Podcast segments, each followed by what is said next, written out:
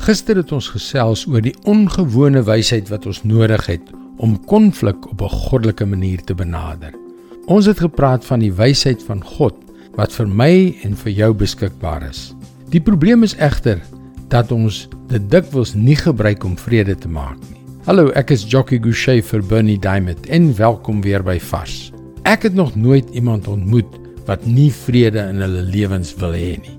Miskien is daar uitsonderings op die reël, maar die meeste van ons smag na vrede. En tog is die wêreld waarin ons leef alles behalwe vreedsaam.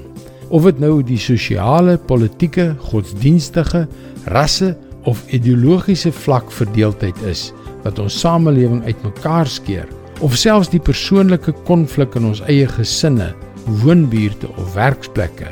Hierdie vrede waarna ons almal smag, lyk na 'n lugspieeling in die woestyn. Hoe dink jy Wat wil God hê moet jy doen om die konflik te hanteer wat in jou lewe aan die gang is? En toe maar, jy's nie alleen nie. Ons het almal die een of ander vorm daarvan.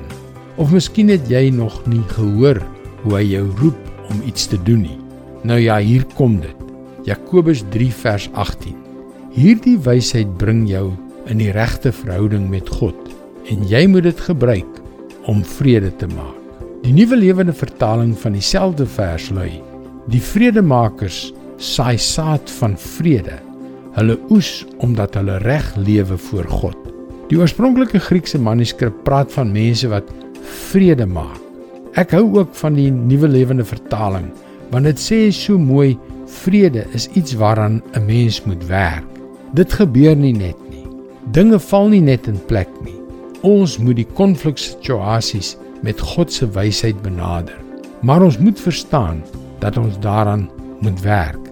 Trouwens, as jy jouself 'n kind van God noem, dan lê jou rol om namens hom as 'n vredemaker op te tree naby die bokant van jou posbeskrywing.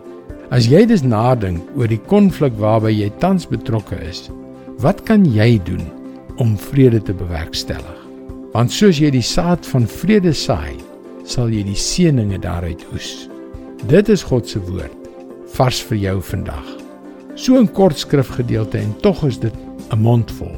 Dis hoekom jy gerus kan inteken om daagliks boodskap soos hierdie per e-pos te ontvang. Gaan na ons webwerf varsvandag.co.za. Luister weer maandag op dieselfde tyd op jou gunstelingstasie na nog 'n vars boodskap. Seënwense en mooi loop.